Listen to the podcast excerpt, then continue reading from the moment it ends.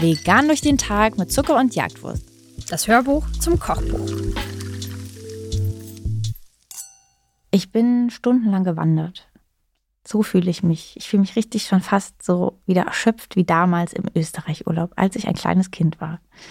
Wandern habe ich damals gar nicht gemocht, auf jeden Fall. Ähm, wir haben es trotzdem als Familie natürlich gemacht, aber ich habe es wahrscheinlich nur durchgezogen, weil ich wusste, oben auf der Alm, da wartet eine große Schüssel dampfender Nudelsuppe, damals mit Wienern drin, safe. Und die war ganz, ganz butterig. Daran erinnere ich mich auch. Irgendwie, die war dieses Fett, da schwamm ein bisschen Butter auf jeden Fall auf dieser Suppe. Aber das hat sie so köstlich gemacht. Dazu habe ich Almdudler getrunken, was übrigens aus Nostalgiegründen bis heute ein Getränk ist, das ich nur trinke, wenn ich in Österreich bin, um ihm nicht das Spezielle zu nehmen. Diese Nudelsuppe hingegen, die koche ich mittlerweile aber auch hier in Berlin, wenn es kalt ist, um mir das Gefühl zurückzugeben. Ähm, das ist tatsächlich mein Gefühl, ähm, wenn ich diese Nudelsuppe sehe. Ich habe nicht so viele Gefühle für diese Nudelsuppe, muss ich sagen. Ähm, es klang auf jeden Fall richtig schön, aber ähm, ich habe früher nicht so oft Nudelsuppe gegessen. Mich erinnert das eher an diese ABC-Suppe, diese ganz günstige. Oh mein Gott. Aber deine Version ist natürlich die viel bessere, qualitativ ansprechendere, ähm, selbstgekochte Suppe, die nicht aus der Tüte ist. Und Buchstaben sind da ja auch nicht drin. ja, ich habe ähm, früher tatsächlich nicht so oft Nudelsuppe gegessen. Aber die hier mag ich. Und das ist ähm, auch so eine Suppe, die man sich zubereiten kann, wenn es draußen kalt ist, wenn man vielleicht einen kleinen Schnupfen hat. Ähm, dann macht die einen wieder gesund.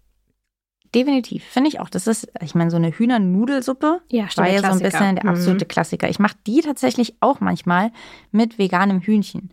Wenn ihr das machen wollt, die könnt ihr das Hühnchen am besten auch direkt am Anfang mit anbraten, mit dem restlichen Gemüse. Das ist absolut fein, wenn das nachher in der ganzen Suppe köchelt. Das ist gar kein Problem. Ich finde allein diese ähm, Kombination aus den Kräutern benutze ich so selten Majoran benutze ich so selten wirklich, mhm. dass ich das richtig für diese Suppe ist das für mich sehr signifikant. Dieser Mix aus Thymian, Majoran, Oregano benutze ich auf jeden Fall sehr selten dazu. Da aber, wie gesagt, das alles wird einfach wirklich nur angebraten, abgelöscht, köchelt. Die Nudeln, ihr braucht einfach so kleine Suppennudeln. Das ist leider nicht immer so einfach, vegane zu finden. Das ist tatsächlich einfacher, jegliche anderen Nudeln zu finden in vegan. Bei Suppennudeln müsst ihr ein bisschen gucken. Spätestens im Bioladen werdet ihr aber welche finden und es gibt aber auch oft, ehrlich gesagt, von No-Name-Brands ähm, welche, die es gibt. Komischerweise sind aber oft bei so Suppennudeln ist da Ei dann auf einmal mit drin. Ich weiß nicht warum. Also da müsst ihr leider ein bisschen mal vorher gucken, aber sobald ihr dann welche gefunden habt, könnt ihr diese äh, Suppe kochen mit jeder Form von Suppennudeln, die ihr findet. Und wie gesagt, also ich würde ich sagen, ich habe hier ein Esslöffel vegane Butter optional rangegeben. Ich mache an meine Safe 3 mindestens. Ich liebe es einfach, wie butterig die ähm, dadurch wird. Müsst ihr natürlich nicht machen. Empfehlen definitiv immer würde ich euch Muskat dran zu machen. Auch das finde ich gehört zu dieser Nudelsuppe einfach dazu. Aber das habt ihr bestimmt schon an, bei anderen Rezepten bei diesem Hörbuch gelernt.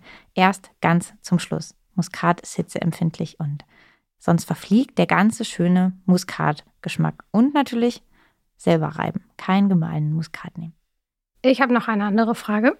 Schmeckt die ähm, Nudelsuppe auch noch an Tag 2 und 3 oder werden die Nudeln dann zu wabbrig? Ja. Okay. Die werden tatsächlich zu wabberig. Ich mhm. habe das schon ab und zu trotzdem gemacht. Ihr werdet feststellen, wenn ihr die nicht ganz gegessen habt, ihr lasst die ein Stück stehen und danach ist fast die ganze Flüssigkeit weg. Und die Nudeln sind so richtig weich, labberig.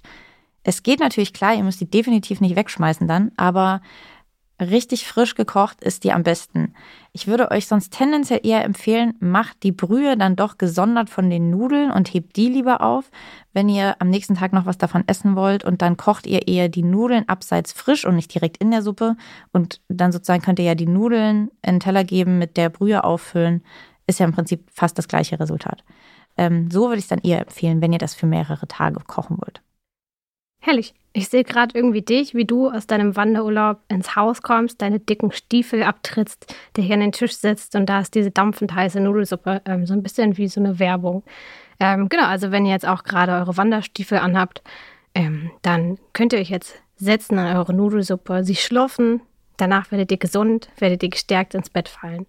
Und ohne Wanderurlaub kann man diese Suppe eigentlich nicht essen. Oder wenn man krank ist. Das sind die zwei Berechtigungen, oder? Oder wenn man auch Almdudler dazu trinken möchte. Okay, diese drei Voraussetzungen müssen erfüllt werden. Dann könnt ihr diese Nudelsuppe kochen.